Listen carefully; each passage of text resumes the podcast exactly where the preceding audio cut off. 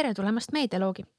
tänaseks osaks käis stuudios Ekspress Meedia uuriva toimetuse juht Holger Roonemaa, kellega me rääkisime natuke laiemalt uurivast ajakirjandusest, uurivast ajakirjandusest Eesti kontekstis, äh, mida konkreetselt teeb tema toimetus ehk siis Ekspress Meedia, Eesti Päevalehe, Delfi, äh, kui kasutada selliseid rohkem teadaolevaid termineid Eesti meediamaastikul. Äh, mida teeb konkreetselt tema toimetus ja ühtlasi, äh, kuidas tema hinnangul on tõejärgsus või tõejärgsus kontseptsioonina või ühiskondliku liikumisena äh, mõjutanud uurivat ajakirjandust ja siis konkreetselt ka tema tööd. head kaasamõtlemist.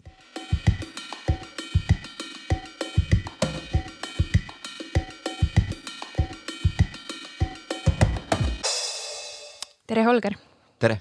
kuidas läheb? Äh, väga hästi läheb, aitäh küsimast, kuidas sul läheb?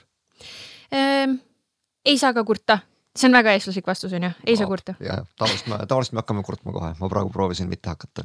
okei okay,, kas sa tahad kurta? ei taha olgu nii, teeme, teeme selle mingi muu episoodi raames. teeme nii, lõpetame. just, lõpetame kurtmisega ähm, aga selleks, et, et noh, mitte kohe asuda nagu kõige raskemate asjade kallale, siis me oleme tavaliselt rääkinud selliste nii-öelda tavaepisoodi, mitte eriepisoodide, mis räägivad sõjast, mis on loomulikult natuke teise tooniga, aga oleme alustanud natuke sihukeste pehmemate asjadega. -hmm. kui palju sul on aega või soovi oma töö kõrvalt meediat jälgida? oma töö kõrvalt, ma arvan, et oma töö, tööga seotult ma jälgin meediat väga palju mm, -hmm. aga töö kõrvalt ma jälgin võib-olla mingeid väljaandeid kindlasti, et noh, väga raske on tõmmata piiri, kus kohast näeb töö kõrvalt ja, ja mm -hmm. kust mitte, et kui ma loen õhtul äh, mingi, mingi ajakirja mingit artiklit, kas see on tööga seotud või mitte, aga, aga, aga ma oskan kindlalt ristada nagu mingit teatud äh, erialasemaid ajakirju, mis ei ole tööga seotud, mida, mida ma loen mm. -hmm. ja kuidas on suhted sotsiaalmeediaga? ma olen kohal paljudes kanalites, mõnedes aktiivsemalt, minu jaoks peamine kanal, mida ma kasutan eh, nii tööalaselt jällegi, et kuna see elukutse on, on, on kogu selle meedia, sotsiaalmeediaga nii läbi põimunud, siis ma saan ka öelda, et ka tööalaselt on Twitter mm. -hmm. seda ma kasutan aktiivselt nii, nii lugejana kui nüüd ka eriti noh, sõja algusest saadik eh, postitajana ja, ja noh, ma ei postita sinna mingeid isiklikke perepilte, ma, kindlasti ei postita, Twitter mm -hmm. on mhm. ikkagi nagu tööga seotud, tööga seotud kanal mulle mm. -hmm.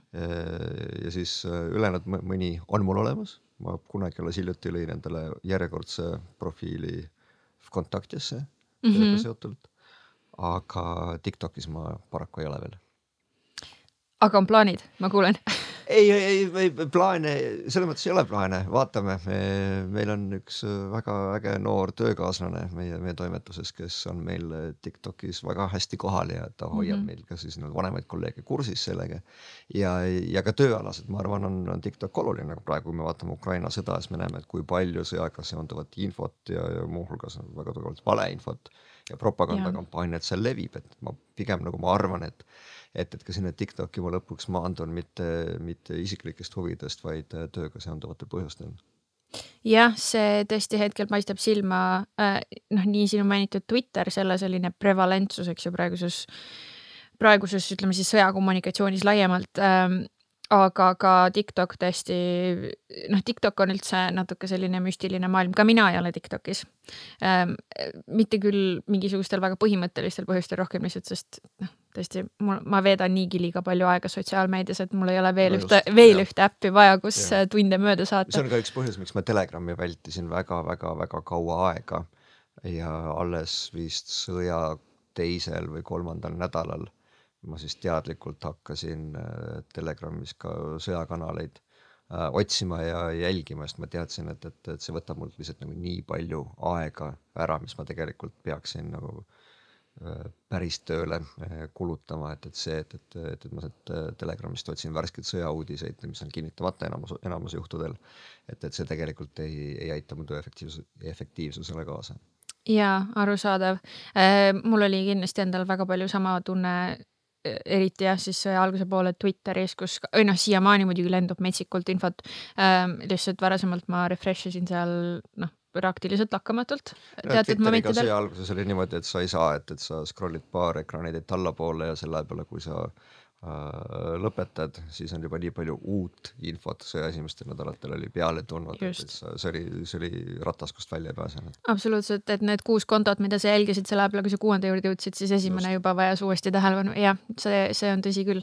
aga miks ma seda tegelikult küsisin ähm, oli sellest, et ähm, mis sulle on kõige teravamalt äh, jäänud silma viimasest siuksest noh, tunnetuslikust nädalast, sotsiaalmeediast või meediast, mis teema, mida sa oled jälginud kõige rohkem? eks ma arv- pakun, et ta on, on, on ikkagi kindlasti Ukrainaga seotud, eks ole, ja, ja kui me räägime Ukrainast, siis viimase nädala jooksul on, pooleteise nädala jooksul, üle-eelmisest pühapäevast siis praegusest salvestushetkest tagasi vaadates, on äh, kõik äh, need eriti jõhkrad sõjakuriteod, et äh, siin ei ole küsimustki, et ma mäletan, kui ma üle-eelmisel pühapäeva hommikul kuskil pool seitse-seitse ärkasin ülesse, harjumus on, on praegu olemas, et telefon kätte ja vaadata, et, et mis Ukrainas juhtunud on ja siis hakkasin neid pilte ja, ja videoid vaatama, et see, see oli päris jõhker ja noh, loomulikult see, see kestab siiamaani.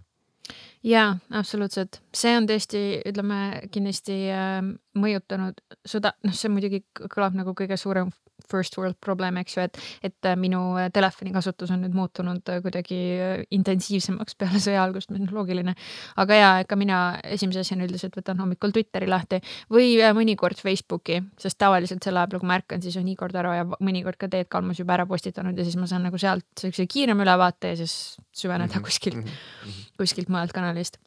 aga vähemalt äh, rõõmustada saab selle üle, et äh, enam ei ole esimene mõte hommikul, et kas äh, Vladimir Zelenskõi on elus või ei ole. seda küll jah, aga sõda ei ole läbi ja sel hetkel, kui me räägime, pole, pole, pole idarindel veel selleks uueks pealetungiks läinud, nii et jah, jah, absoluutselt, sõda ei ole läbi. eks noh, praeguses olukorras ilmselt tulebki natuke võtta siuksed väiksed võidud ka onju, et jah, et Lo, vähemalt loomulikult, et eh, selles mõttes see, et sõda ei ole läbi, on, on praeguseks hetkeks noh, loll öelda, aga ta on võit. jah, absoluutselt, see, see on, on isegi üsna suur võit, mitte isegi väike. aga milleks ma su kutsusin, on laias laastus sellest, et, et, et me räägiksime sellest, et noh, sinu näol on tegemist ühe äärmiselt eduka uuriva ajakirjanikuga. No aitäh. no nii räägivad erinevad ähm,, erinevad auhinnad äh, sinu kohta ja nii edasi, et ma arvan, et ma ei ole üksi selles hinnangus ähm,. aga mis mind eelkõige huvitab, mina, kes ma ei ole kunagi olnud uuriv ajakirjanik, natukene võib-olla niisama ajakirjanik omal ajal, aga, aga mitte uuriv ähm,. et kuidas on teha uurivat ajakirjandust tõejärgses maailmas, kus tõde ei ole ja kõik on vandenõu et noh, vasta nüüd mõne sõnaga ma, ma ei lähe selle provokatsiooniga kaasa, et, et ma arvan, et eh, tõde on jätkuvalt olemas. ja, ja tänu sellele, et uurivat ajakirjandust on viimastel aastatel eh, üle, ma ei tea, üle Euroopa või üle maailma ikkagi saatnud minu meelest päris suur edu, et, et selline uuriva ajakirjanduse väga tugev taastulek on eh, viimase, ma ei tea, ütleme siis julgelt viie aasta jooksul, aga, aga tegelikult võib-olla isegi natukene pikemalt on, on see kestnud, et et äh, uuriv ajakirjandus rahvusvaheliselt on, on, on taas väga hoogsalt levimas, et, et meil on võimalus äh, tööd teha, meile antakse tegevusvabadust, meil on võimalus äh, palkasid maksta ja, ja meie tööd hinnatakse just muuhulgas tänu sellele samale, et, et et see nii-öelda post-truth teema tuli peale mm, -hmm. kunas ta tuli peale, on ka umbes neli-viis aastat tagasi, et, et see oli Jah. Trumpi kampaania aegu äkki või? et noh, kus, kuskil seal ta pidi olema, eks.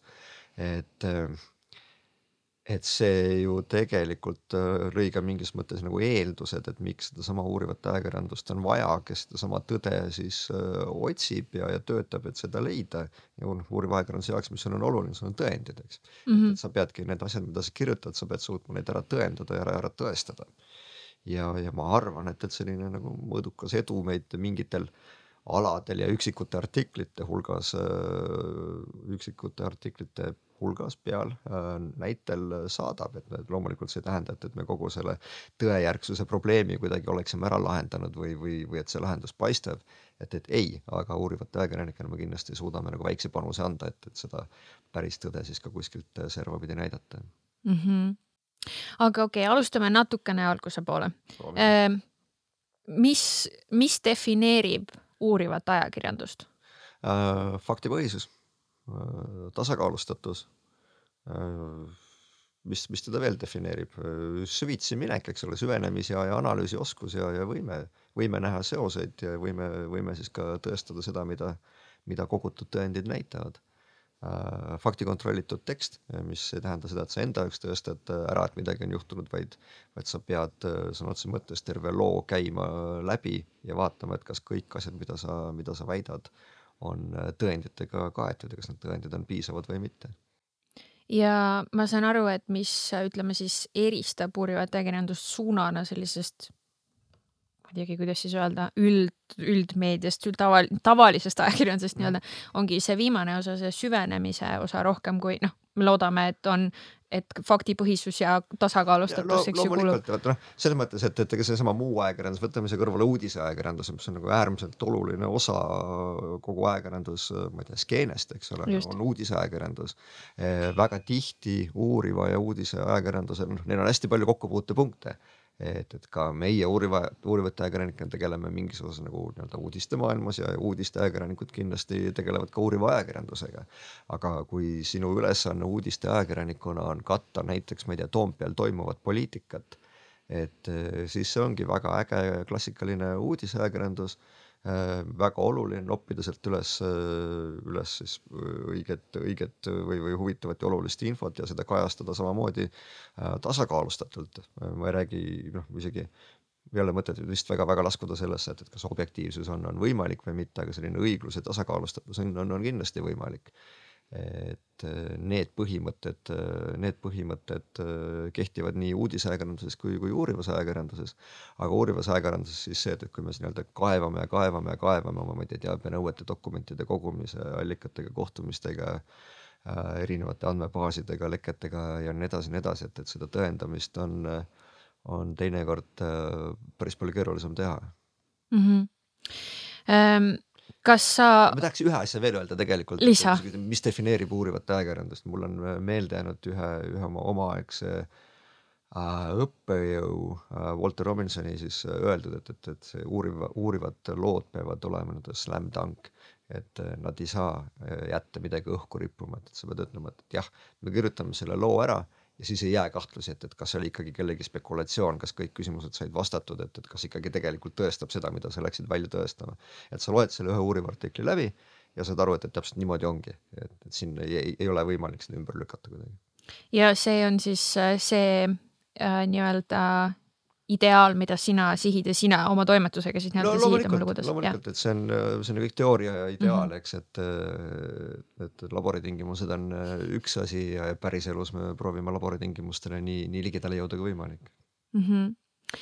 Um, sa, ma tean, et sa oled sellele küsimusele vastanud intervjuudes ennegi, et millises seisus on Eesti uuriv ajakirjandus? mul on alati hea meel öelda, et minu meelest Eesti uurivas, uuriv ajakirjandus on päris heas seisus Äh, ma nüüd, ma arvan jah, mu käest on seda päris tihti küsitud, viimase kahe aasta jooksul äh, ma olen kindlasti saanud seda öelda, et kui me vaatame, et et enamikes Eesti suuremates väljaannetes on uurivad toimetused olemas.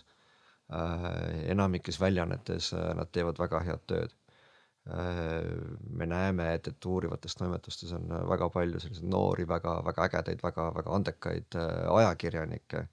et, et mulle tundub, et ja noh, miks see niimoodi on, on, on, on erinevaid põhjuseid, aga üks väga oluline põhjus on see, et, et Eesti ajakirjandus on saanud aru või siis võib-olla teistpidi öeldes siis, et, et Eesti ühiskond on piisavalt valmis, et nad mak-, et inimesed on valmis maksma veebis digitellimuste eest, mis on noh, meediamajade jaoks nagu väga oluline ärimudeli paikaloksumine mm. -hmm. et inimesed, et, siin tekib seesama nii-öelda kliki äh, ajakirjandus äh, versus, versus siis selline tõsine süvenev ja oluline ajakirjandus, eks ole. sisule rõhuv rohkem. just täpselt mm, -hmm. et, et, et ma ei ole kunagi olnud sellise väga kliki ajakirjanduse kuidagi müüdi takkakiitja, et, et, et me ei ole kunagi oma töös, saan öelda, et mina ka uudistetoimetuse juhina omal ajal ei, me ei ole nagu sellest niimoodi lähtunud.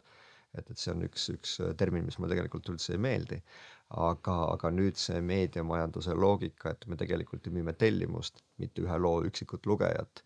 et seega annab erinevad võimalused ja, ja, ja tekitab erinevad nõuded äh, selle ajakirjandusliku sisu või toodangu osas, mis sa nendele lugejatele pakud mm. -hmm. ja seda me näeme noh, meie Ekspress Meedia põhjal noh, Õhtulehes, Äripäevas samamoodi, eks. ja mis seal salata, ka mina üsna hiljuti ma arvan, mõne kuu eest äh, sain siis äh, Delfi kogu paketi ostjaks. Äh, varasemalt mul oli ka mingisugune madalama taseme pakett ja nüüd ma siis jah, näen, näen kogu sisu ja ma mäletan, et ma enda jaoks mõtestasingi seda niimoodi, et noh, ütleme minu peres nagu see, et käib ajaleht, on olnud nagu noh, terve minu elu, see on ikkagi nagu natuke nagu sihuke uhkuse asi või märk täiskasvanu elust kuidagi, et minu kodus käib ajaleht. ja, ja noh, minu kodus antud momendil ei käi ajalehte aga ma et minu digitellimus ongi. tänasel hetkel on see väga normaalne, et, et just, sul ei käi kodus paberajalehte ja taaskord, kui ma nüüd tulen selle meedia ärimudeli juurde, et, mulle väga meeldib neid ärimudelist tegelikult rääkida kutsun su hiljem tagasi. et nüüd ütleme kümmekond aastat tagasi veel, et digiturgu ei olnud, et meil olidki ainult nii-öelda on, veebis oli meil reklaamiturg, eks ole, et digitellijaskonda meil ei olnud, kõik üritused seda tekitada läksid või kasvatada läksid väga-väga-väga raskelt erinevatel meediaettevõtetel ja samal aast-, samal ajal igal aastal sul sa stabiilselt sa tead, et sama paberiturg ja paberitellijaskond äh, kukub ja langeb. et see ei olnud, see ei loonud väga head keskkonda äh, ühelegi meediaettevõtte juhile, et mõelda, et, et me nüüd äh, võtaksime palgale, ma ei tea, kolm või viis inimest, kes tegelevad äh, pikalt uurivate lugudega, et nüüd ongi see olukord on õnneks nagu kardinaalselt muutunud. Jah, mulle endale tundub ka, et ähm, et noh, tähendab ühesõnaga siis minu mõtte eelmise lõpetamiseks, et ma, ma olengi kõik hästi, ma vaatlengi äh, iseenda jaoks ka nagu seda noh, ongi seda, et jah, et, et ma saan aru et inimestest, et issand, ma ei taha küll maksta seda, mis ta on mingi, ma ei tea. kümme eurot on äh, jah, täishind jah. just ja noh, seal on need mingid soodused mingi momendini ja, ja mis iganes, aga et noh, et, et kümme eurot, et noh, et mingi ühe loo lugemise eest on ju, noh, mis tegelikult loomulikult ta, kui iga päev tahab ühte lugu lugeda, siis noh, see annab midagi muud kokku, aga noh, tunnetuslikult ma mõistan seda aga noh, samas ongi see, et, et see on ikkagi odavam kui lehe tellimuse eest maksta ja ma saan noh, märksa rohkem sisu. aga eks võib-olla see on ka selline natuke nagu ühiskondliku paika loksumise teema, eks ju, et, et kas sa nagu noh, kui sulle tuleb füüsiline ajakiri koju, et siis ju või ajaleht, noh, vahet pole, eks ju, Ekspress Meedia katab erinevaid, erinevat tüüpi väljaandeid, aga et, et siis kuidagi, et sul on tunne, et see on nagu tõelisem. no sul on mingi toode on sul käes yeah,, eks ole, et, et just. ei kao ära, kui sa brauseris selle tab'i kinni paned või, või uue äpi avad telefonis. et eks see on selline võib-olla natuke nagu selline ümberlülitamise. ümberlülitamine, aga, aga, aga teisest küljest ka noh, siin tuleb selline natukene igavikuline jutt äh, demokraatia ja, ja, ja sellest kõigest tähtsusest, aga, aga tegelikult see on ju ka, ka õige, et, et et kui meil ühiskond saab aru, kui oluline tegelikult on vaba ajakirjandus ja, ja ma arvan, et, et siin ka viimase kolme-nelja aasta jooksul on Eesti ühiskond ka olnud sunnitud seda mõistma. Äh, ja eriti ka, ka praegu vaadates, mis, mis piiride taga toimub loob see loodetavasti sedasama teadmist, et, et kui oluline on uuriva või mitte uuriva ajakirjandus, vaid vaba ajakirjandus. ja ka uuriva ajakirjandus. just täpselt ja see on no loomulikult noh, uuriva ajakirjandus selle osana, eks ole.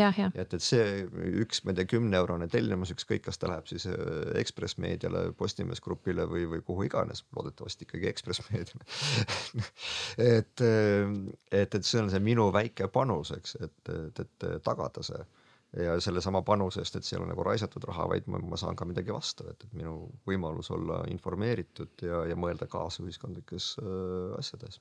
jaa, absoluutselt ähm,. aga tulles tagasi meediamudelist, millest tõesti me, me äh, võime mingisugusel teisel korral rääkida pikemalt, sest see on tegelikult hästi huvitav ähm, ja kindlasti ka kuulajate jaoks huvitav teada, siis ähm, uuriv ajakirjandus ongi noh, ütleme nii, et mul nagu endal kangastub üsna selline konkreetne pilt silme ette küll, mis see justkui võiks endast kujutada. ja noh, nii palju, kui ma olen kuulnud sind ja, ja teisi ajakirjanikke rääkimas uurivast ajakirjandusest, siis mul on noh, mingisugune idee. aga, aga mind samas nagu väga huvitab see, tõesti, et äh, millisena sina ajakirjanikuna ja toimetusjuhina näed ennast, enda rolli nagu uuriva ajakirjanikuna, ma mõtlengi just seda, et äh, noh, kui tuua ikkagi see tõejärgsus ja noh, selline noh, loomulikult me saame aru, et tegelikult on üks tõde, reaalsus on siiski üks. ükskõik, kuidas sa kuvandad seda enda jaoks või, või noh, mismoodi sa seda mõtestad, noh, ütleme faktid on ühed, et see Kellyanne Conway alternatiivsed faktid, noh, on jabur. me saame sellest, ma arvan, enam-vähem kõik aru, et see on jabur asi, mida öelda, aga äh, et kuidas sina vaatled siis nagu uuriva ajakirjanduse rolli selles vallas, et, et äh, kas, kas te võitlete nii-öelda alternatiivsete faktidega või, või kas te seisate tõe eest? Või noh, saad aru, mis ma mõtlen, eks? siin on äh, erinevad äh, nüansid, et alustuseks ma tahaks vist fakti kontrollida, aga minu meelest siin on olnud Kellyanne Conway, kes seda alternatiivsete faktide termini tõi, see oli keegi teine Trumpi, Trumpi nõunikkonnast aga, aga seda võib kuulaja siin Me kuulamise võime- kõrval ise välja guugeldada, et ma, ma, ma oleksin valmis kolm eurot vahele panema, aga me võime rohkem ma ei paneks mul, mul ei ole kolme eurot sularahas, aga, aga me võime panna vahele ja ma võin äh, sissejuhatusse panna noh, mis ma salvestan nüüd peale seda Jah. episoodi, väike k- kaadritagune vaade kuulajatele. ma võin seal ära mainida, kumb siis võitis No aga minu meelest see oli Kellyanne Conway mingisuguses äh, teleintervjuus. Ja see oli teleintervjuus kindlasti, see oli Trumpi inauguratsioon. et kui palju inimesi osales seal inauguratsioonis äh, Washingtonis äh,, noh kui palju teda vaatamas-kuulamas oli. Ja siis äh, nii-öelda silmnähtavad andmed ütlesid ühte ja siis äh, Just. keegi nimetab, okei okay,, lähme edasi, ma proovin vastata su küsimustele, et selle pika hoopuse peale ma juba natukene unustasin küsimuse ära, mis ma ise viisin juttu kõrvale. aga vaata, siin on nagu erinevad nüansid, et, et me tegeleme oma uurivas toimetuses uurivate artiklitega, uuriva ajakirjandusega, siis me tegelikult tegeleme ka nii-öelda avaliku fakti kontrolliga, et, et mis on hoopis teine meedia mis ta on siis meediažanr või mm Mhm. -hmm. formaat, eks ole, et üks asi on enda lugude fakti kontrollimine, kontrollimine, et enne trükkiminekut me ei oleks kõik sada protsenti kindel ja teine asi on siis see, et, et äh, meil on olemas äh, paar inimest alates eelmisest nädalast ka spetsiaalne äh, venekeelne avalik faktikontroll Mhm. ja äh, hästi-hästi äge kutt Ilja Peer, kes on Moskvast Tallinna kolinud, kui, kui kolis Moskvast Tallinnasse, kui sõda algas. et, et nemad tegelevad siis selles mõttes selle äh, faktijärgses või tõejärgses maailmas siis selle avaliku tõe otsimisega nagu ühe suuna pealt, eks Mhm. et noh, eriti praegu Ukraina sõja kontekstis me näeme äh, kui palju noh, täiesti kuritahtlikku ja pahatahtlikku sõjavalet äh, levib äh, nii eestikeelses, aga eriti venekeelses sotsiaalmeedias ja noh, seda lihtsalt, et kui ma vaatan kõrvalt, mismoodi meil Ilja töötab, et mul vajub noh suu lahti, et, et kui, kui lihtne tal on äh, nagu ühesõnaga, et sa oled nagu, ma ei tea äh,, kuskil Soome saarestikus kalal ja sa tead, et iga viskega saad kala, eks, et, et Eestis ikkagi tuleb meil äh, Kailil faktikontroll, kontrolööril äh, palju rohkem vaeva näha, et, et mm -hmm. leida need kontrollimist väärivad väited üles, aga, aga venekeelne sotsiaalmeediamaastik, see on nagu täiesti hoomamatu. Ja mitte ainult sotsiaalmeedia, eks ju. no loom-, loomulikult Ja kogu meedia. seda tegelikult ma tahtsingi öelda, et, et see Ilja tegevus või noh, mida, ta meie juures siis praegu teeb äh,, läheb sinnani, et, et me fakti kontrollime äh, Vene äh, riiklikke telekanaleid ja, ja neid Jah. samusid äh, kohutavaid valesid, mis nad räägivad Butšast ja Mariupolist ja, ja, ja, ja kõikidest muudest asjadest. et me fakti kontrollime neid ja lükkame ümber ja lükkame neid ka Facebookis ümber ja see töö on tegelikult väga suure mõjuga, sest me näeme, et nüüd need postitused, mida ta ümber lükkab, et, et need on selleks hetkeks noh jagatud nagu tuhandeid kordi, nad on jõudnud sadade tuhandete inimesteni ja kes siis kõik saavad selle viite kätte, et kuulge, et, et see see Vene propakanali äh, video, mida te siin äh, üleeile like isite või, või jagasite, et äh, seda on sõltumatud faktikontrolörid ko- kontrollinud ja see osutus valeks ja tulge nüüd lugege ja vaadake. ja me näeme nagu jällegi peaaegu sisuliselt reaalajas, me näeme, et mismoodi siis inimesed hakkavad kustutama oma postitusi mm. -hmm. päriselt näen seda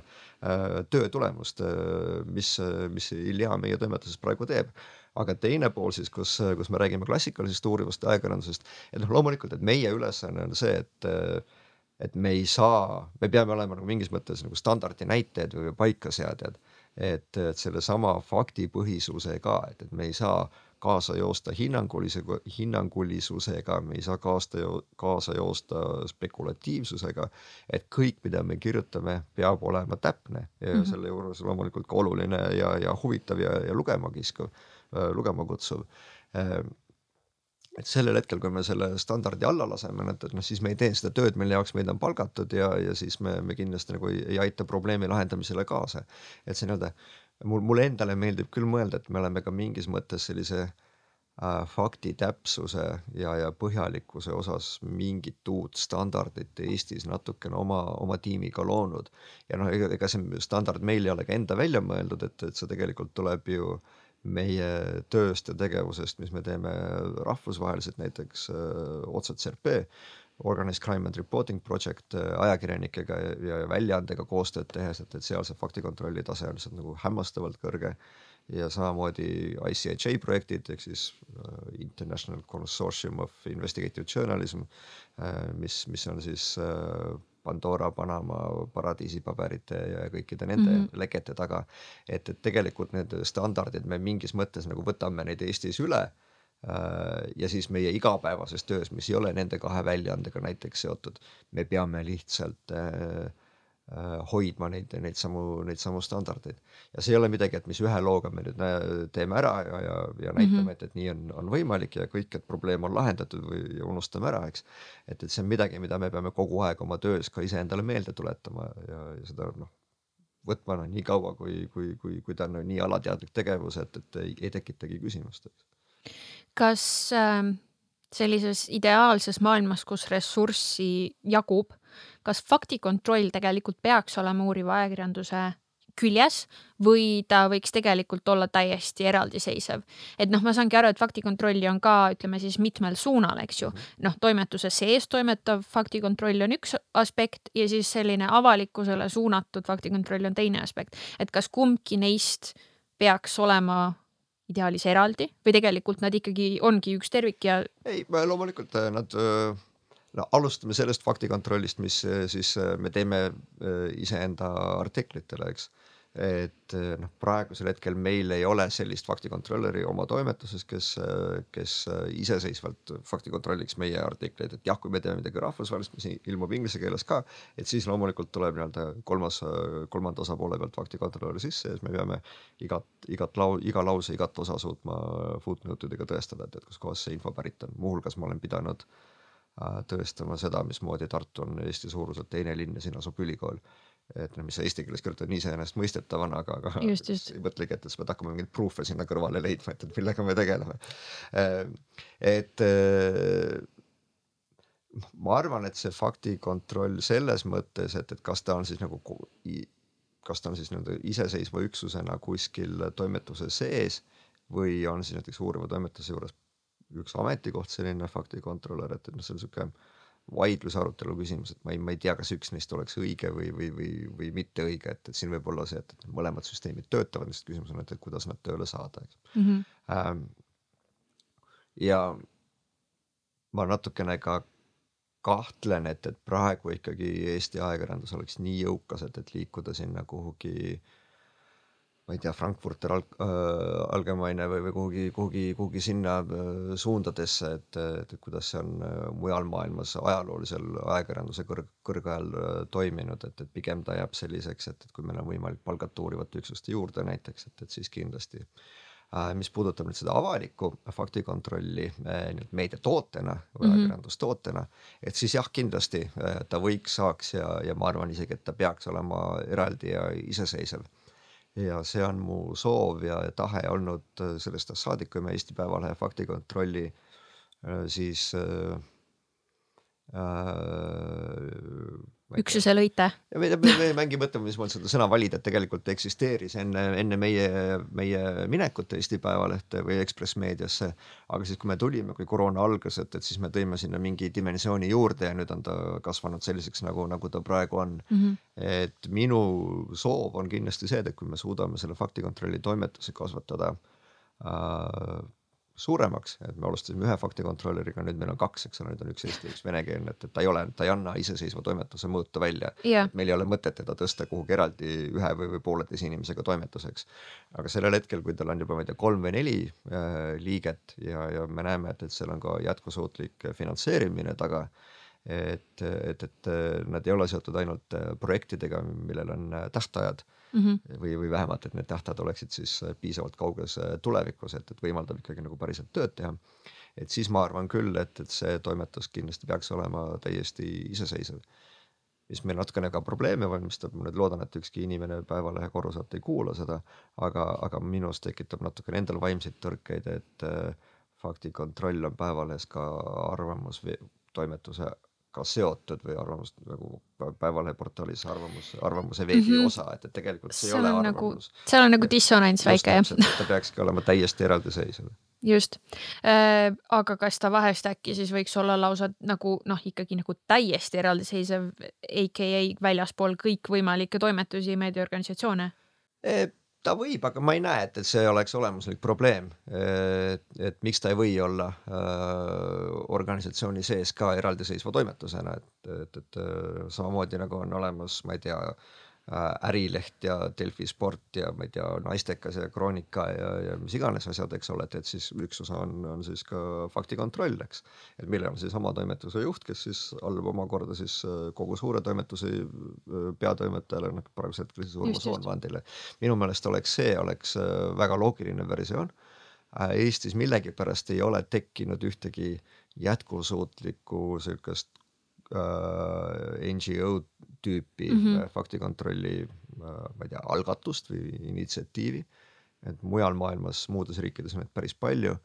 Eestis Herman Kelomees alustas kaks aastat tagasi, aga, aga, aga tal ta kolis ka Delfisse tööle et nüüd, nüüd me oleme head kolleegid, et et noh, samas me näeme, et, et mitmed nagu päris väga tugevad faktikontrolli saidid on BBC-l ja AP-l ja nii edasi, et, et sa ei pea olema täiesti kolmas ja, ja eraldiseisev, eks. just. Äh, ja ei, kindlasti see ei ole, ütleme, hädavajalik, aga, aga kui ma ise mõtlen just selle peale, et noh, mis äh, ütleme, mure, mida ma näen, mis ma ei tea, kas muidugi teie seda murena defineerite, aga ütleme, mis kimbutab äh, nii uurivat ajakirjandust laiemalt kui faktikontrolli mingite toimetuste küljes, ongi ju see, et noh, et jah, ütleme reaalsus on üks, aga inimeste tõlgendused sellest on nagu me kõik saame aru, väga erinevad. ja, ja ütleme noh, selleni välja, et, et teatud inimesed äh, noh, toomata spetsiifilisi gruppe välja, aga nad elavad alternatiivreaalsuses, nad on kujundanud endale iseenda noh, meediaümbruse ja mis iganes äh, seltskond, noh, päriselulise seltskonna ja, ja meedia abil äh, kujundanud endale mingisuguse teistsuguse maailma kui see, milles meie elame äh,. noh, tõesti, ma arvan, et neid valdkondi, milles need inimesed võivad elada täiesti teistsugustes reaalsustes, on, on praeguseks mitmeid, eks. ja noh, ütleme siis äh, nende ne-, noh, neil on kindlasti väga lihtne väita seda, et aa, aga see on ju Delfi oma. muidugi nad. sul tuleb äh, keegi teine või, või kolmas faktikontrolör äh,, faktikontrolli väljaanne siis ütleme äh,, kes hakkab samamoodi neid, kuidas sa väga hästi kirjeldasid neid, neid, neid gruppe, kes on irdunud oma, oma, oma muude reaalsusesse, hakkab samamoodi neid kontrollima jõuab samasuguste tulemusteni nagu näiteks meil praegu Delfi või Päevalehe faktikontroll. et äh, ega see neid inimesi kuidagi rohkem ei, ei mõjuta, et nad lihtsalt leiavad ka sellesama uue vastase endale, endale sama kiiresti. nojah, see on tõsi küll, seda on muidugi Ameerikaski näha, eks ju, et seal on, seal on ju, on, mul ei tule nüüd nimi meelde, aga, aga eks ju see ähm, ta vist on ka äkki NGO see, kes töötab selle mingi skaala alusel, et, et noh, et, et kui, kui palju keegi valetab nii-öelda äh, sõnavõttudes. just, just täpselt, et äh, noh, nende puhul on ju ka ütleme, mis on minu jaoks äärmiselt nagu noh, ütleme, on päris palju inimesi, kes väidavad, et noh, näiteks, et aa, aga nad on demokraadid et nad on demokraatlikud, mis on noh, ongi nagu see, et fakt, noh, kas faktid saavad olla ähm,. faktid on demokraatlikud või vabariiklikud, eks. just, just, just, et kas faktid saavad olla nagu äh, noh, ongi, et need on Delfi faktid ähm,. noh, jah, loomulikult mitte, eks, aga, aga mis mind eelkõige just huvitabki, ongi siis see, et, et kuidas selle kõige sees sina mõtestad noh, mis on nagu uuriva ajakirjanduse laiemalt siis eesmärk kas, kas nende inimeste, kas nendega võitlemine, kas nende ületoomine, kas nende tabamine üldse, kas nad on, kas nad on see auditoorium, keda te soovite tabada? Äh, on kindlasti, siin on, ma arvan, et see, see reegel kehtib, et, et on mingi protsent inimesi mingitest noh, iga teemaga või, või, või iga, iga konflikti või probleemiga seoses või iga maailmavaatega seoses, keda sul ei õnnestu ümber veenda mitte kuidagi. et kas sul on mõtet selle peale aega raisata, ehk et siis see kõige nii-öelda, ma ei tea, ütleme ükskõik mis teemaga seoses äärmuslikum, eks ole mm, -hmm. et, et neid kuidagi väga veenda ja veenda ja veenda. et eh, mina isiklikult lähtun nagu sellest lähenemisest, et ei pea olema, et, et me ei pea selle peale aega raiskama, et see ei ole efektiivne. Et me kulutame liiga palju aega, vaeva ja raha äh, ilma saamata siis äh, seda tulemust. Nad on noh, nii resistentsed, nad on nii oma seal mullis kinni, nad on nii oma selles väikses, väikses grupis ja ja see nii-öelda mis iganes psühholoogiline valmidus tõrjuda kõike äh,, mitte võtta endale vastuvõetamatut arvesse või, või mõtlema jääda selle üle on, on nii suur äh,. küll aga äh, on meie soov äh, siis puudutada või panna mõtlema neid inimesi, kes on kuskil seal vahepeal et, et kes ei ole veel otsust äh, teinud, kes, kes võib-olla nagu tunnevad, äh, tunnevad huvi mingisuguse äh, Äh, noh, ma ei tea, peaks mingi konkreetse näite tooma, et, et mõni kuulaja aru ka saaks, millest ma räägin, et, et, et kes tunnevad noh, mingi. kellel on kahtlusi? jah, kellel on kahtlusi täpselt, et äh, räägime siis, ma ei tea, võtame vaktsiinid näiteks, et, et kõik, kõik kõige lihtsam, et, et kellel on kahtlusi, et, et kas nad äh, julgevad ennast või, või oma lapsi ükskõik millise haiguse, haigust ennetava vaktsiini vastu mm -hmm. süstida sellega või, või mitte, eks ole. see on väga loogiline, et inimestel on kahtlusi ja muresid ja, ja nad lähevad otsima nendele muredele lahendusi ja siis, kui me suudame äh, neid inimesi kõnetada omalt poolt või, või panna mõtlema, panna lugema, panna kuulama, et siis ma arvan, et, et, äh, et me aitame kaasa sellele, et nad teevad lõppkokkuvõttes siis nagu äh, kõige, kõige õigema otsuse, mis võimalik on. see ei tähenda, et me absoluutselt nagu me parandame maailma ja, ja päästame midagi, ei, aga me pakume ühe võimaluse selle jaoks arusaadav. et see puudutab nagu avaliku faktikontrolli poolt, aga, aga uuriva ajakirjandusega, kus me tegeleme väga paljude muude teemadega kui, kui faktikontroll või, või valeinfo, ükskõik mis puudutavad siin äh, mingeid luuretegevusi, finantskuritegevust, rahapesu, noh, mis iganes, mille, millega me, millega me palju oleme, oleme tegelenud. et noh, sellega on ju ka, et meie eesmärk ongi see mingite teemade lõikes proovida luua äh, selgus, äh, tuua välja teemad, millest varem ei ole isegi teatud, tuua välja probleemid, millest varem ei ole teatud, tuua välja, tuua välja sigadused, millest varem ei ole teatud ja seda siis faktipõhiliselt äh, näidata ja, ja, ja, ja, ja tõestada. ja taaskord, et, et kas me siis noh, keda me siis sellega mõjutama peame või mitte, et noh, loomulikult uurimas ajakirjanduses väga oluline võti või väga oluline asi, mida otsitakse ja nõutakse, on, on mõju. et mis see mõju on ja kuidas seda mõju mõõta, et, et noh, see ongi on ka see, et et üks asi on, on, on võib-olla juba selle probleemi teadvustamine on mõju aga, aga, aga ideaalis me tahaks näha, et, et meie lugudel on ka mingi konkreetsem mõju. Eh, üks hea näide sellest on eh, selle aasta jaanuarist, eh, kui me tegelikult ma kirjutasin väga kuiva ja igava loo, mis puudutas siis seda, mismoodi äh, olukorras, kus Valgevene vastu on kehtestatud sanktsioonid, muuhulgas naftatoodete vedamise sanktsioonid, kasvas Eestis Valgevene toodete sissevedu eelmisel aastal kordades täiesti rekordilisele tasemele mm. -hmm. noh, mõnedel lugudel sa näed, et sul on see narratiiv olemas, sa jutustad, see lugu on äh, kaasahaarav ja sa nagu lähed ja loed, et, et, see on noh, vaimustav lugu. aga selle looga oli täiesti vastupidi mm. -hmm. ta oli väga kuiv ja väga tehniline ja väga igav ja saad kohe aru, et, noh, see on, see on lugu, mida sa ei nii-öelda heas mõttes ei müü sadadele tuhandetele inimestele, et mm, -hmm. et, et see ei ole, ei ole võimalik seda kuidagi väga-väga elavalt kirjutada, et kirjutad seal mingitest Äh, mingitest äh, Statistikaameti kaubagrupi koodidest ja ühest koodist ja teisest ja mis nende erinevus on ja, just, just, ja, ja nii edasi. et aga, aga ka selle looga me siis suutsime ju kokkuvõttes puudutada väga õigel hetkel väga õigeid inimesi, kes sellel hetkel olid siis valitsuse poliitikud äh, kolm ja pool nädalat enne, enne, enne Ukraina sõja uut puhkemist. Nad avastasid ennast olukorras, kus nad käivad mööda Euroopat ja, ja nõuavad Ukrainale relvade andmist, nõuavad sanktsioone, nõuavad Eestisse rohkemate äh, NATO üksuste ja mhm. tehnika saatmist ja nii edasi ja nii edasi, aga samal ajal meie enda äh, riigile kuuluv äh, see raudtee vedaja veab siin rekordite kaupa Valgevene naftat ja toetab Lukašenko režiimi, kes, kes läheb kohe sõtta, eks ole. et, et me suutsime jällegi äh, ühe kuiva ja tehnilise looga puudutada mingit tegelikult väikest, aga kriitilisi, kriitilise tähtsusega inimesi ja selle loo puhul me nägime äh,, mina nägin oma karjääri jooksul äh, kõige kiiremat võimalikku mõju, et loo algum- äh,, loo ilmumisest läks kolm päeva, kuni Eesti riik kehtestas uued sanktsioonid mm -hmm. ja, ja pani siis selle ukse kinni, et, et jällegi, et noh, see on see mõju, mida me tegelikult otsime oma töös mm. -hmm. kas kas sinu meelest võiks olla õige öelda, et, ähm, et just see nii-öelda tõejärgsuse tekkimine, kui nii võib öelda, või selle siis ütleme äh, rohkem esile kerkimine.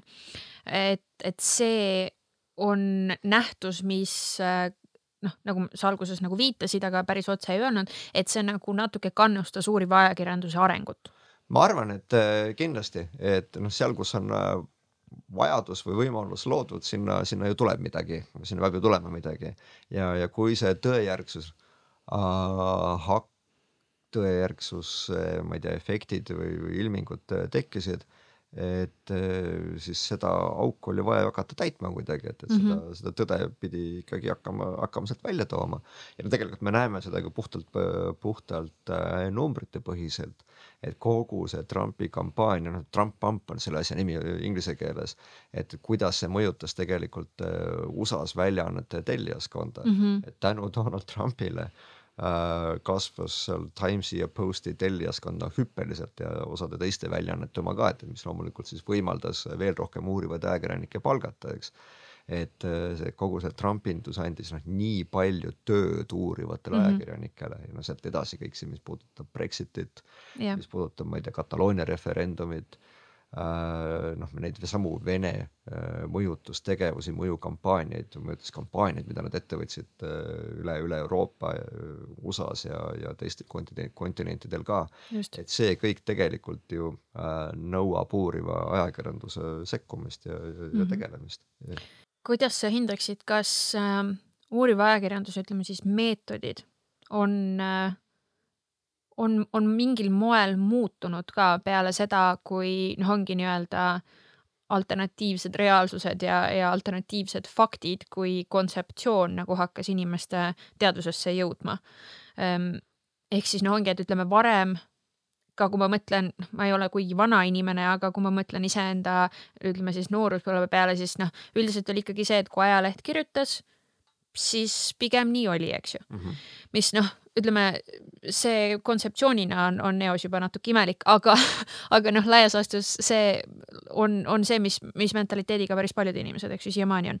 et äh, peale seda, kui, kui jah, järsku hakkasid, ütleme siis reaalsused lahknema erinevates suundades, kas uuriv ajakirjandus tõesti, kas, kas ta pidi oma, oma meetodeid mingil moel muutma äh,? ma ei tea, kas meetodid muutma, noh uurimise meetodid on ju paljuski klassikalised ja siis kindlasti noh, tehnoloogia arenguga lihtsalt on, on, on ka vajadus uute meetodite järgi.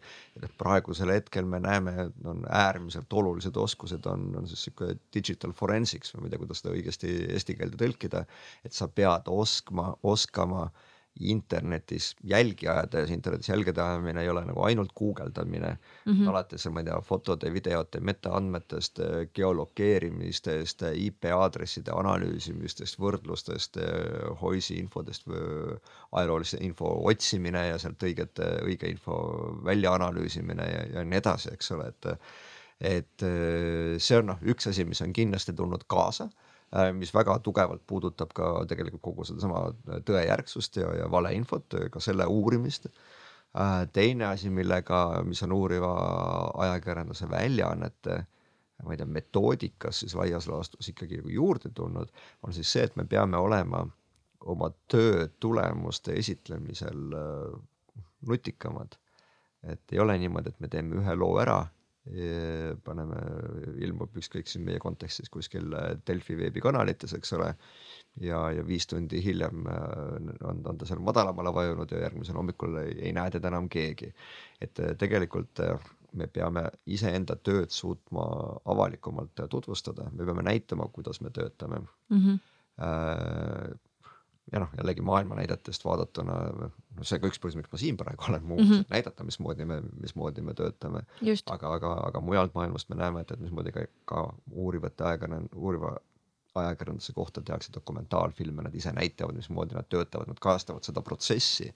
et me ei kajasta ainult seda tulemust, kuhu me uurimisega jõuame, vaid me kajastame ka seda protsessi, kuidas me tegelikult uurime et äh, ma arvan, et see on nagu metoodiliselt üks asi, mis nagu ka näitab ja aitab usaldust tekitada meie vastu, et kui suur vaev on tegelikult äh, ühe või teise asja, ma ei tea, lahtihammustamine mm -hmm. või, mhm. või kättesaamine.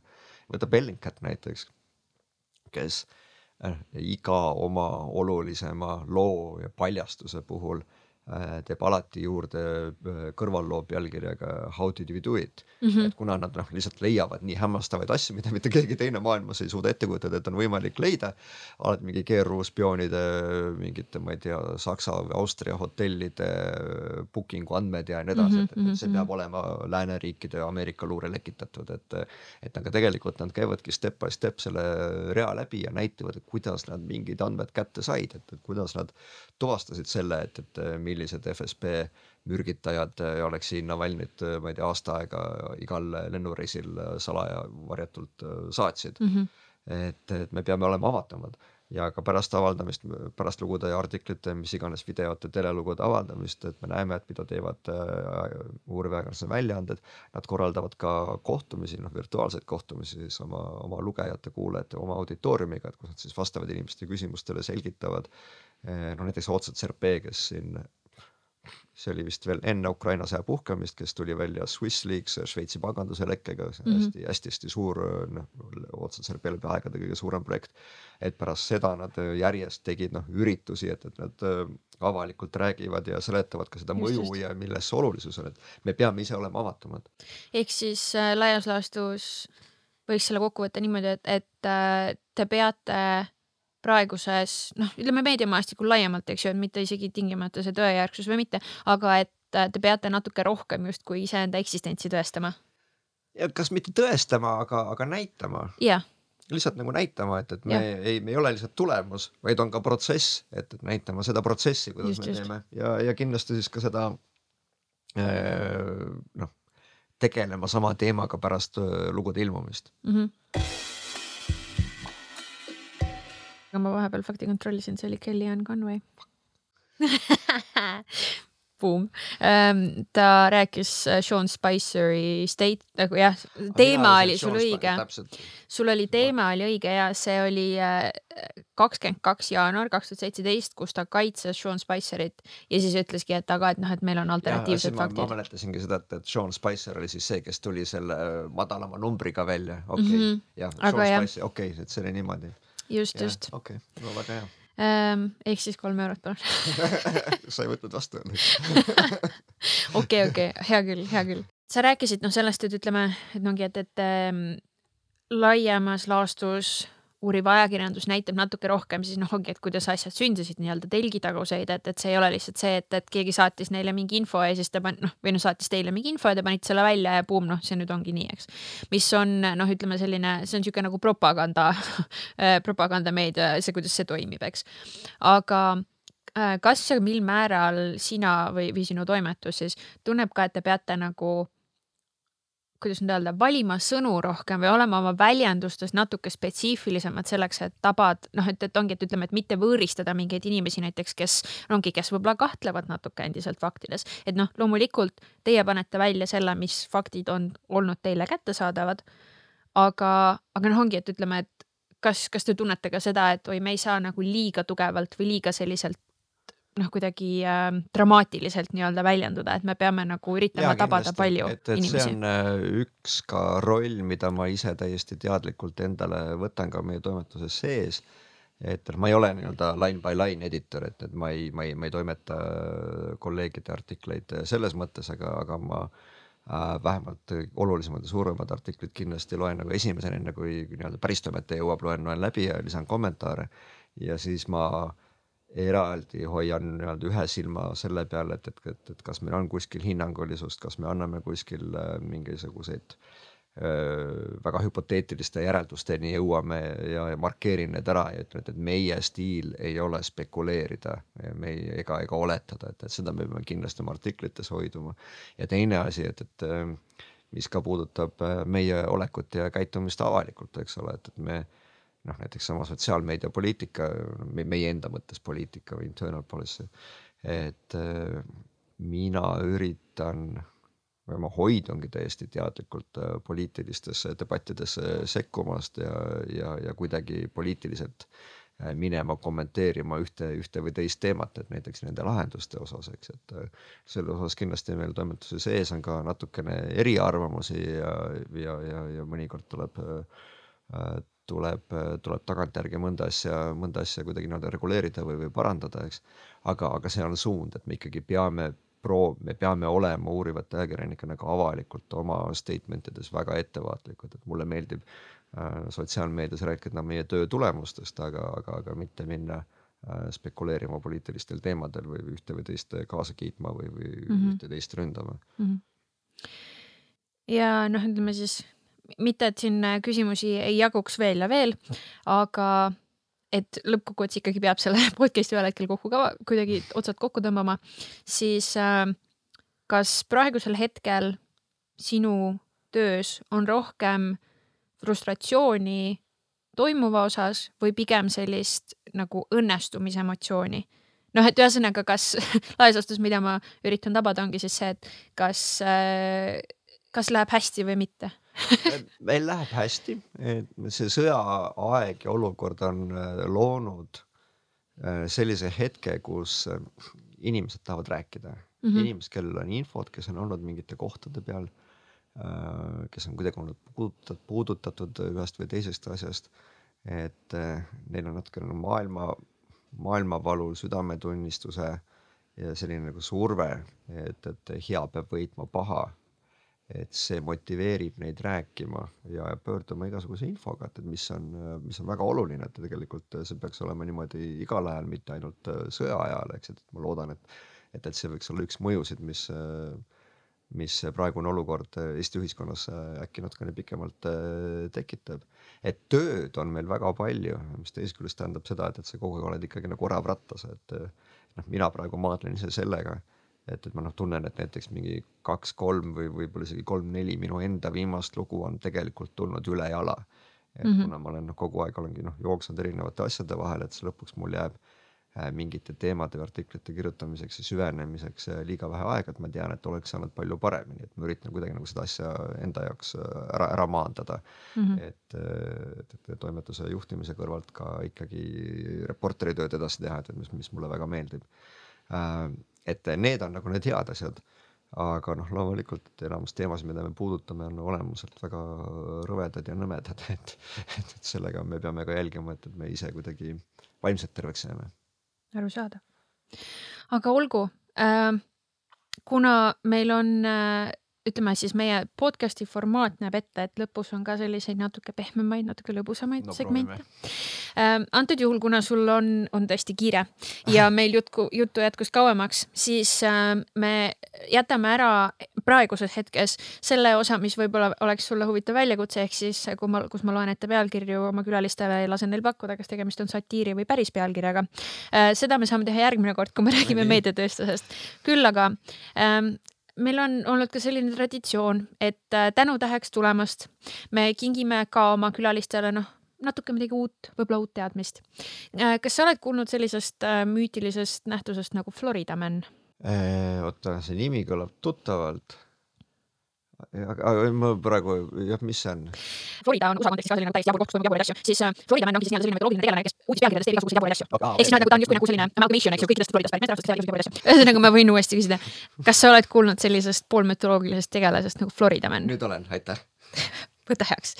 Ähm, ja Florida Maniga siis äh, ühel hetkel tekkiski internetis selline nagu challenge või, või noh, selline traditsioon, et sa otsid välja iseenda Florida Mani. et see on natuke nagu horoskoop või, või noh, kuidas iganes sa seda soovid mõtestada, eks ju. ehk siis enda sünnipäeva, vaatad, mida Florida Man on teinud sinu sünnipäeval. kuna on sinu sünnipäev? neliteist märts. suurepärane, siis, äh, siis äh, Google'i otsing ei valetanud sinu Florida Man on siis Florida man reportedly tells cops he thought playing basketball naked would enhance his skill level. ehk siis Florida mees äh, reportedly kuuldavasti ütles äh, politseinikele, et äh, ta arvas, et, et kui ta mängib äh, paljalt korvpalli, et siis ta oskused lähevad paremaks. no ma, ma ei isegi, ma üritasin nagu tema loogikat jälgida, aga, aga et kuidas ta võiks, mis võiks selle arvamuseni viia, aga ma väga ei suutnud praegu. ma, ma ei, vot ma ei oska ka öelda, ei, ma ei oska ka öelda, kas tõesti, kas me peaksime sellest tegema mingisuguseid sügavamaid järeldusi, aga. Õnneks oli seal pealkirjas sõna reportedly. just, absoluutselt, mis ütleme äh, kuidagi klapib sinu, sinuga uuriva ajakirjaniku rolliga Just. mingil moel. jah, täpselt. just nii. aga olgu, Holger, aitäh sulle tulemast ja tõesti, ma äh, kahtlustan, et me kohtume siin stuudios korra veel. teeme nii, aitäh sulle